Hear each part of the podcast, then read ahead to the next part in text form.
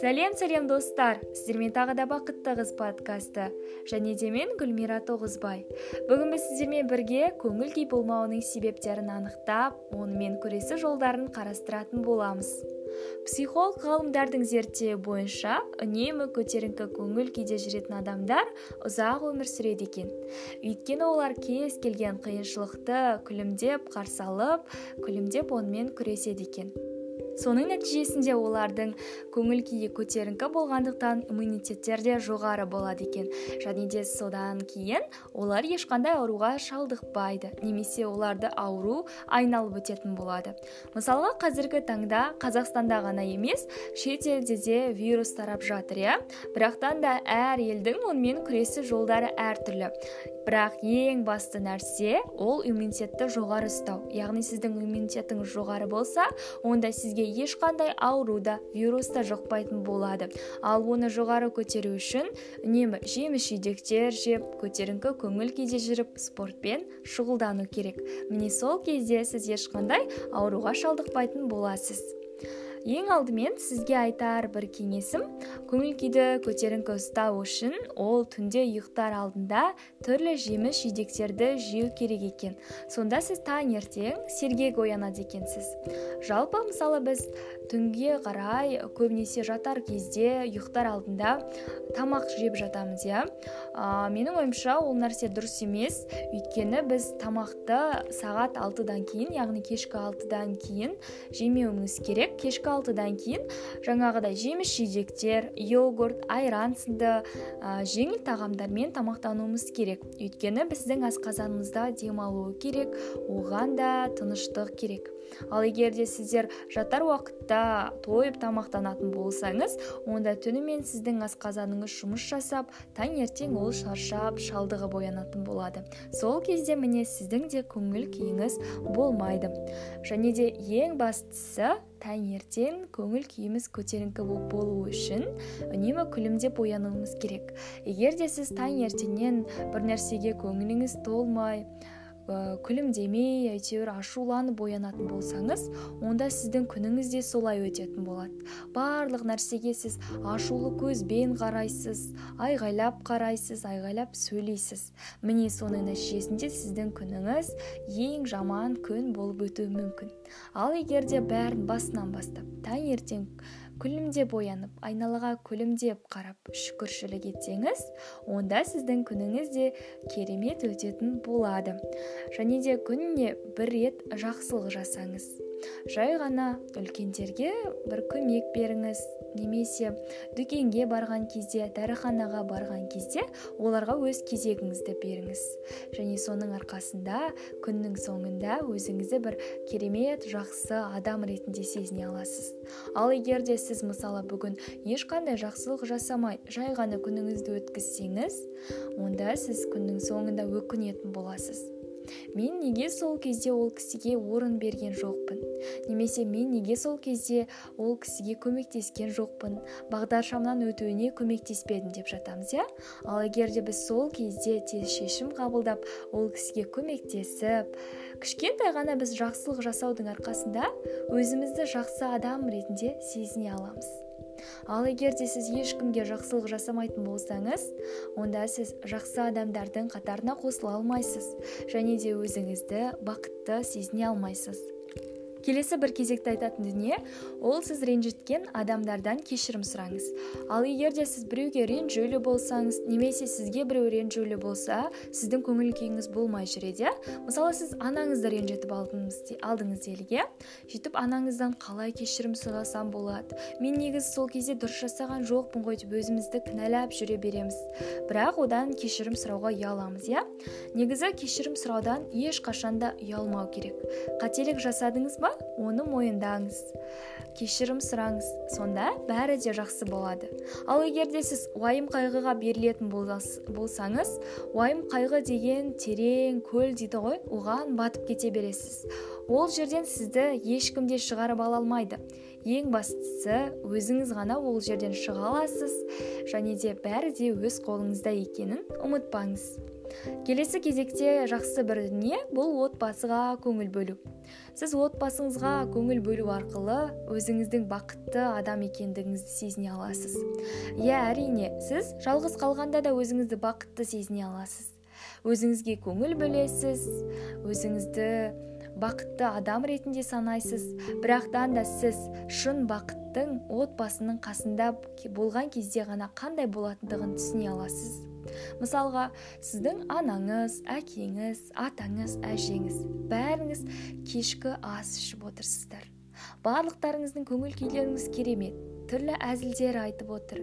Сіздің балалық шақта қандай адам болғандығыңызды әжелеріңіз айтып күліп ойнап отыр иә? Сонда қандай керемет болушы еді? Бәріңіз бір біріңізбен әзілдесіп отырсаңыздар бәріңіз бір дастарханның басында кешкі ас ішсеңіздер. Міне керемет иә? Осындай кездесулерді жиі ұйымдастырып тұрып өзіңіздің отбасыңызға көбірек көңіл бөліп оларға әртүрлі сыйлықтар жасау арқылы сіз өзіңізді бақытты сезіне аласыз. Және де сіз сіздің қасыңызда отбасыңыз болған кезде сіздің көңіл күйіңіз әрқашанда көтеріңкі болады. Келесі кезекте тағы бір жақсы дүние ол естеліктерді еске алу. Мысалы сіз жаңағыдай отбасымен бірге кешкі астан кейін бала шақтағы балалық шақтағы суреттерді қарап өзіңіздің қандай болғаныңызды ата анаңыздың қандай болғанын көріп барлығын еске алып қандай бақытты шақтарды бастан өткергендігіңізді ойлайтын болсаңыз онда өзіңізді керемет адам ретінде сезіне аласыз. Барлығымыздың да басымыздан түрлі қызықты оқиғалар өткен бақытты күндер өткен. Мен алдыңғы подкасттарымда айтқандай бақытты адам болмайды. Бақытты сәттер бақытты шақтар болады. Яғни сіз сол сәттерді еске алу арқылы өзіңізді бақытты сезіне аласыз. Ал бақытты адамдардың көңіл күйі әрдайым көтеріңкі болады. Ал енді біз сіздермен бірге келесі кезекте көңіл күй болмауының себептерін және де онымен күресу жолдарын қарастыратын боламыз. Ә, ең бірінші себеп ол көңіл күй болмаудағы ә, ең бірінші себебі бұл әлеуметтік желіде көп отыру. Яғни біз әлеуметтік желіде көп отыру арқылы біріншіден өзіміздің көзімізге зиян келтіреміз және де тікелей сол әлеуметтік желіге кіріп кетіп басқа біреулердің өміріне қызығып солардың не істеп жатқандығын тіпті не жеп жатқандығын бәрі бәрін күні түні бақылайтын адамға айналамыз. Былай қарайтын болсақ оның өміріндегі жағдайлардың оның немен тамақтанып қандай киім кигендігі сізге ешқандай қажет емес. Өйткені сізге оған ә, ол нәрселерді білген кезде бір нәрсе өзгеріп немесе бір нәрсе сізде жақсарып кетпейді. Сол себепті де өзгелердің өміріне қызықпау керек. Ең бастысы өзіміздің өміріңізге көңіл бөліп өзіңіздің отбасыңызға көңіл бөліңіз. Сонда ғана сіз шынайы бақыттың қандай болатындығын ұға аласыз. Ал одан кейін екінші кезекте және де тағы бір айта кететін жайт осы ретте сіз мысалға біреудің өмірін бақылау арқылы сосын сол жайлы айтасыз иә? Күні түні енді бір адамның өмірін бақылағаннан кейін сол жайлы сіз басқаларға өсек айтатын боласыз. Ол адамды жамандайтын боласыз ол мынандай екен анандай екен деп сөйтіп оларды жамандап сізде көре алмаушылық қасиетіңіз дамып кетуі мүмкін. Соның нәтижесінде сіз біреуді көре алмайтын болсаңыз яғни өзінен жоғары өзіңізден жоғары адамдарды көрсеңіз олар туралы жаман ойларға барып оларды жамандау арқылы өміріңізді негативке толтырасыз. Мен сіз сізге айтайын көре алмаушылық ол өте жаман қасиет. Егер де сіз бір адамды көре алмайтын болсаңыз онда сіз мүлдем бақытты өмірге қол жеткізе алмайсыз және де сіздің көңіл күйіңіз үнемі төмен болып жүреді. Өйткені сіз өзіңізден жоғары адамдарды көре алмайсыз. Олардың барлығы сіздің ойыңызша сізден төмен болу керек. Ал екінші кезекте ол өзіңізді басқалармен салыстыру. Жаңағыдай өзіңізді басқалармен салыстырудың арқасында осы көре алмаушылық қасиеті пайда болуы мүмкін. Бірақтан да айтады егер де сендердің біреулерің өзінен мәртебесі жоғары біреуге қарағанда ол сонымен қоса өзінен төменге де қарауы керек деп жазылған екен құранда. Яғни сіз өзіңізден мәртебесі жоғары адамға қарағаннан кейін өзіңізден төмен адамға да қараңыз. Содан кейін барып шүкіршілік етуіңіз керек. Біз көбінесе өзімізден жоғары адамға қараймыз да өзімізді жаман адам ретінде сезінеміз. Біреудің үйі бар дейміз біреудің көлігі бар. Менде неге ол нәрселер жоқ деп өзімізге сондай сауал қоямыз. Ал бірақтан да бізден де төмен отбасылар бар екендігіне. Мысалы африка кения сынды елдерде адамдар тіпті таза суды іше алмайды. Ол жақта таза су жоқ. Жай ғана тамақ жоқ. Адамдардың бәрі өз елдерінен безіп басқа бір елдерде әйтеуір босқын болып жүр. Аллаға шүкір біздің өзіміздің тәуелсіз мемлекетіміз бар. Өзіміздің отбасымыз жылы мекеніміз үйіміз бар. Неге соған шүкіршілік етпеске? Яғни сіз өзіңізден жоғары адамға қараған кезде өзіңізден төмен адамға да қарап қойыңыз. Және де өзіңіздің бар ә, нәрсеңізге шүкіршілік етіңіз. 12 мүшеңіз сау екеніне шүкіршілік етіңіз. Сонда ғана сізде бәрі де жақсы болады. Ә, келесі кезектегі дүние бұл жағымсыз я пиғылдағы адамдармен араласпау. Яғни сіз жағымсыз яғни жаңағыдай көре алмаушылық қасиеті жоғары адамдармен араласу арқылы өсиет айтатын адамдармен араласу арқылы сізде сондай адамға айналып кетуіңіз мүмкін. Және де оның айтқандарына еріп сізде өзіңіздің отбасыңызды құртып жіберуіңіз мүмкін. Сол үшін де айналаңызға тек қана жақсы адамдарды жинай біліңіз. Өйткені сізді өшіретін де және де жандыратын да сол айналаңыз. Сізге дем беретін сізге қуат беретін сол сіздің отбасыңыз. Сол себепті де сіз әрдайым айналаңызға жақсы адамдарды ғана жинай біліңіз. Ал келесі кезекте бұл берекесіздік деп аталады.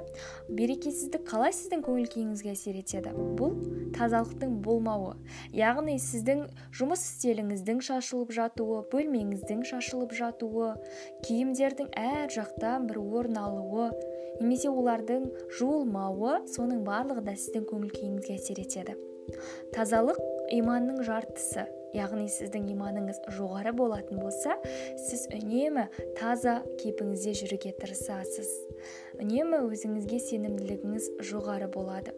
Жай ғана мысалы осы бір вирустың таралуына да осы тазалықты сақтамау гигиенаның сақталмауы себеп болды ма деп ойлаймын. Өйткені барлығы да сол кезде яғни алғашында маска тағып қолымызды тазалап жуып әрдайым тазалықты сақтай білсек онда ешқандай вирус бізге келмейтін де еді және де әлем бойынша таралмайтын еді.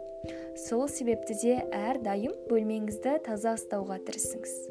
Мысалы сіздің көңіл күйіңіз болмаған кезде сіз жай ғана кітап сөре яғни кітап сөрелерін реттеу арқылы бөлмеңізді тазалау арқылы сол жерге керемет бір атмосфераны алып келуіңізге болады.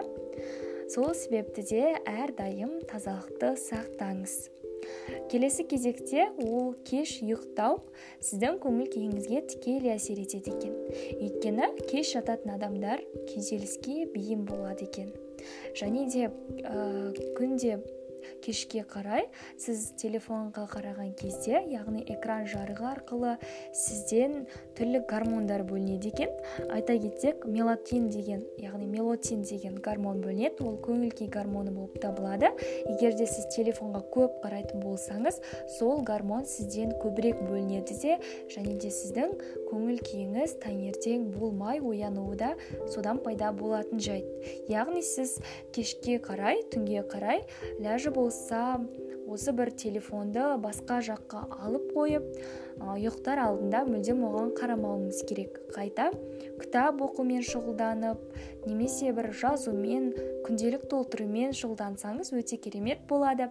Және де ең бастысы бүгінгі күніңіз қалай өтті? Сол сауалға жауап беріп кішкене ғана параққа сол нәрсені жазып қойсаңыз ертеңгісін сіз өзіңізге сенімді және де өзіңізге бір ә, керемет бір адам ретінде сезініп оянуыңызға болады. Жалпы көңіл күйіңізді көтеру ол өзіңіздің ғана қолыңызда.